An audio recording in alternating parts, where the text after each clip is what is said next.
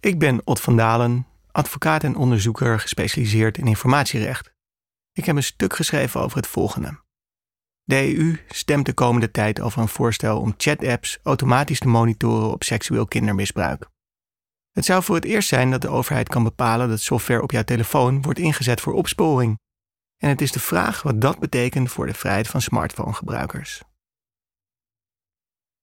Brussel wil voor het eerst de wet handhaven via jouw telefoon.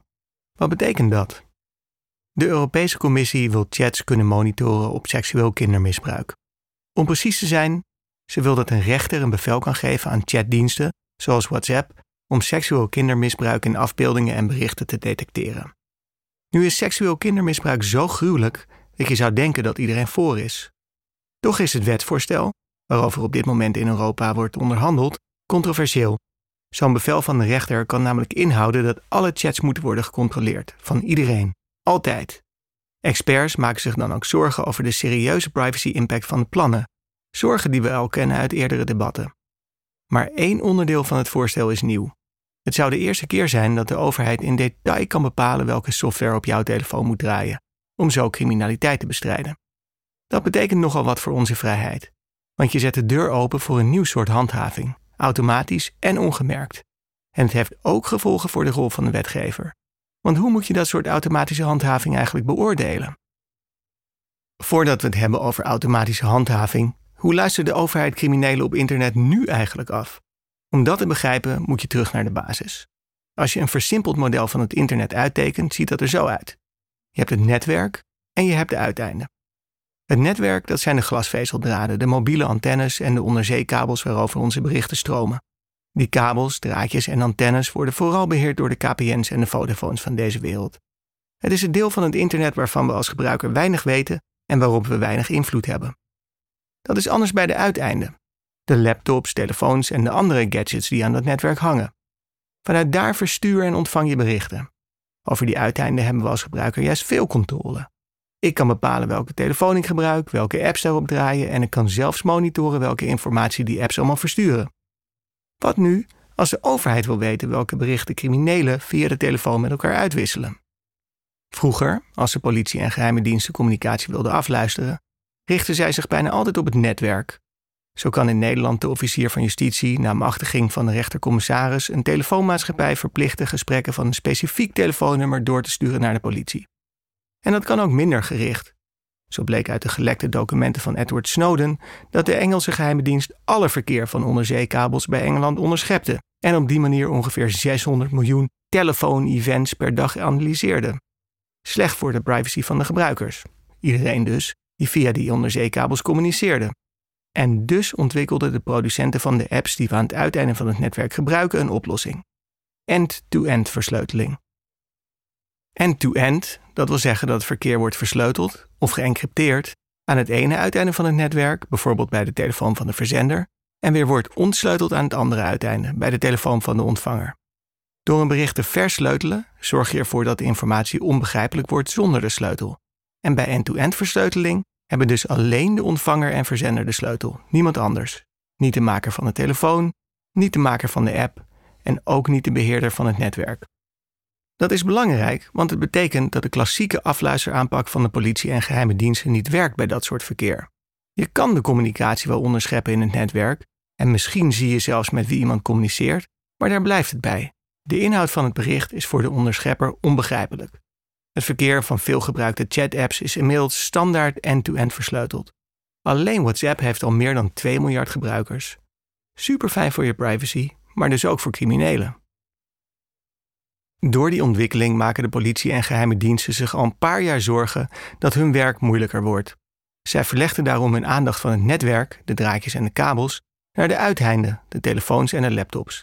Immers, berichten zijn onversleuteld op het moment voor ze worden verstuurd dus het moment dat ze nog op telefoon of laptop zijn opgeslagen. Als je daarbij de berichten kan, is dat even effectief als het onderscheppen van onversleuteld verkeer. Het verklaart bijvoorbeeld waarom de Nederlandse politie sinds een paar jaar een nieuwe bevoegdheid heeft om die uiteinden, de apparaten, onder omstandigheden te kunnen hacken. Met die bevoegdheid kunnen ze op afstand, dus via het internet, binnendringen in een apparaat, zoals een telefoon, om daar rond te kijken. Een ingrijpende bevoegdheid dus, maar ook een waarvan de inzet beperkt is tot specifieke apparaten, want het zal altijd moeten gaan om iemand die al verdacht is. Dat is anders met het voorstel dat nu in Europa wordt behandeld. Dat voorstel zou het juridisch mogelijk maken om chat-apps, zoals WhatsApp, te verplichten alle verkeer voor versleuteling te monitoren. Dus op iedere telefoon, ook van mensen die niet verdacht zijn. Die manier van monitoren wordt ook wel client-side scanning genoemd. Client-side, omdat het gaat over de uiteinden van het netwerk. Scanning zou in dit geval gaan over het automatisch detecteren van afbeeldingen van seksueel kindermisbruik en het automatisch analyseren van conversaties op indicaties van grooming. Het lijkt een elegante oplossing. Je pakt de daders van deze gruwelijke misdrijven. Je voorkomt dat legitieme berichten kunnen worden onderschept door criminelen, want de versleuteling van de berichten blijft intact. Je zou zelfs kunnen zeggen dat het goed is voor de privacy, want de technologie is inmiddels zo ver ontwikkeld dat de meeste analyse van de berichten plaatsvindt op het apparaat. Alleen de verdachte berichten zouden ter controle worden doorgestuurd naar een overheidsinstantie. Sterker nog, Apple introduceerde in 2021 al technologie die iets vergelijkbaars deed. Door afbeeldingen op de telefoon te vergelijken met bekende afbeeldingen van seksueel kindermisbruik voordat ze naar de backup servers van Apple werden gestuurd. Toch is het voorstel controversieel. Experts stellen dat client-side scanning in strijd is met het communicatiegeheim en dat het de apps minder veilig maakt. Ook Europese instanties hebben hierover de alarmklok geluid. Het waren belangrijke aandachtspunten bij de bespreking van dit onderwerp in de Tweede Kamer op 11 oktober 2023. Veel van die zorgen kennen we al uit andere debatten over vergaande surveillancebevoegdheden. Maar er is één ding dat echt nieuw is in dit debat.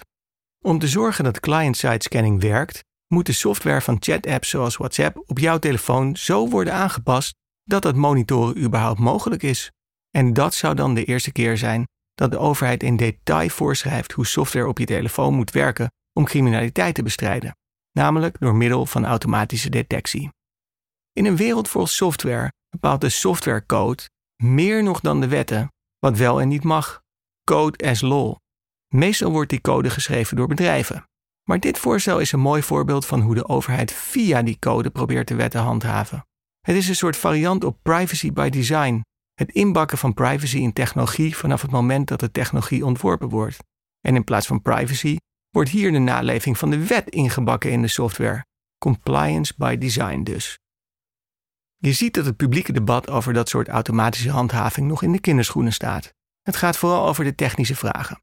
Of de code goed werkt, wat het percentage valse positieve en negatieve is, wat het risico is op datalekken en in hoeverre we de code wel kunnen vertrouwen.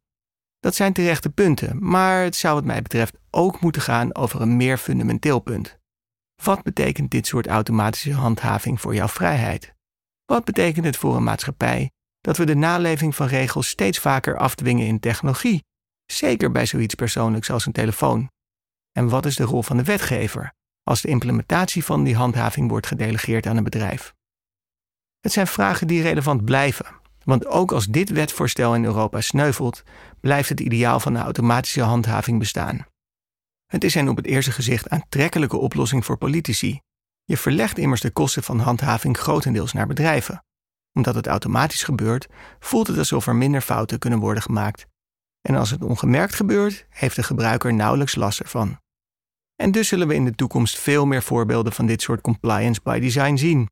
Denk aan automatische snelheidsmeters die een melding doen bij de politie zodra je te hard rijdt, aan drones die weigeren te vliegen op plekken waar een vliegverbod geldt en aan laptops die melden dat je illegale software draait. Is vrijheid dan echt alleen nog afhankelijk van hoe vaak de software een fout maakt? Ik weet het antwoord niet, maar ik denk dat het een belangrijke vraag is in de 21ste eeuw. De correspondent bestaat 10 jaar. Al tien jaar maken wij journalistiek voorbij de waan van de dag. Journalistiek die niet polariseert, maar perspectief biedt. Die geen ophef najaagt, maar oplossingen zoekt. Wist je dat de correspondent 100% door leden wordt gefinancierd? Dat betekent dat we ons werk alleen kunnen doen als luisteraars zoals jij ons steunen. Word vandaag nog lid. En draag bij aan diepgavende, Advertentievrije en onafhankelijke journalistiek. Ga naar decorrespondent.nl en word lid.